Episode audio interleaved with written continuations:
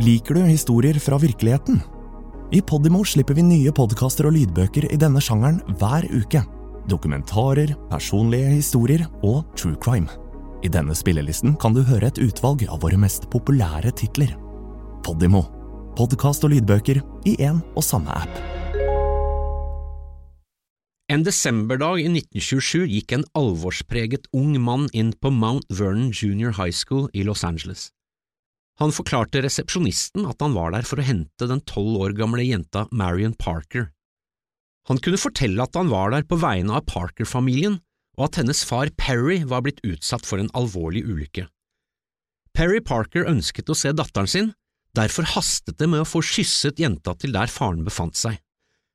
Marion ble hentet ut av klasserommet og forklart den dramatiske situasjonen, før mannen leide den sjokkerte og gråtende jenta ut av skolebygningen og inn i en bil.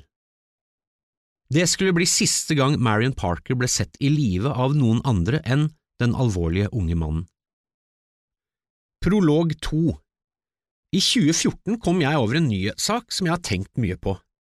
Den handlet om Jerry Flowers, en etterforsker hos det statlige landbrukspolitiet i Oklahoma. Flowers ser ut som mange politifolk og andre menn med en viss pondus i distriktene i det vestlige USA, med cowboyhatt, en majestetisk bart som gjerne kunne fungert som design for en beltespenne, en majestetisk beltespenne som kunne vært en bart dersom noen hadde greid å frisere barten til å se ut som en kongeørn, en kronisk krisp skjorte med perlemorsknapper, pistol på hofta og boots. Med andre ord et stykke americana på to bein. Og her kommer det to fotnoter, folkens.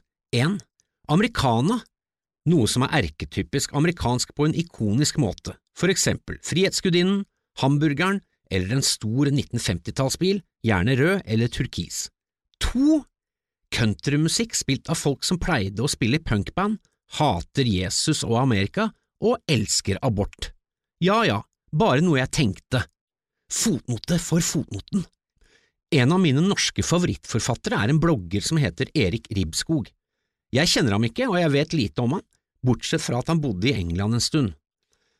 Han skriver om livet sitt i tankestrømsform, det vil si lange setninger uten punktum, kun kommaer. Hans univers består altså av bisetninger, og de flyter som lava. Språket hans er som krautrock, den monotone tyske kunstrocken fra tidlig 70-tall, der den sparsommelige musikken drives fram av trommenes motorikk, som artistene selv kalte det. Livet selv definert som en mekanisk strøm av bisetninger, det resonnerer godt hos meg.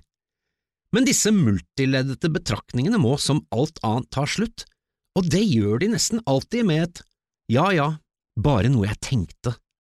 Som svenskene sier, klokkrent.